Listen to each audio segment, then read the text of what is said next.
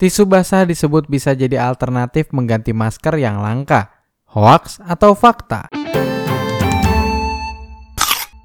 Anda sedang mendengarkan Bern Report Hoax atau Fakta bersama saya Bernhard Faras.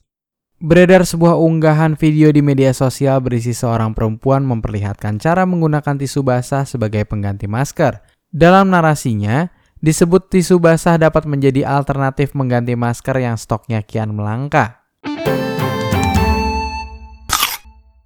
Unggahan tersebut berisi informasi yang keliru Kepala Bagian Pelayanan Masyarakat Biro Komunikasi Kementerian Kesehatan Indonesia, Busroni, menjelaskan bahwa penggunaan tisu basah sebagai pengganti masker merupakan hal yang keliru. Tisu basah mengandung alkohol dan dibuat untuk membersihkan tubuh. Partikel-partikel yang ada di lingkungan bebas justru akan menempel di tisu basah, kemudian terhirup oleh kita. Busroni menyarankan masyarakat untuk menggunakan masker bedah biasa. Dokter spesialis paru dari Rumah Sakit Indriati, Solo Baru, Sukoharjo, Jawa Tengah, Kris Rianto Edi Nugroho juga menyatakan bahwa tisu basah tidak direkomendasikan untuk menjadi barang pengganti masker karena belum ada penelitian yang membuktikannya.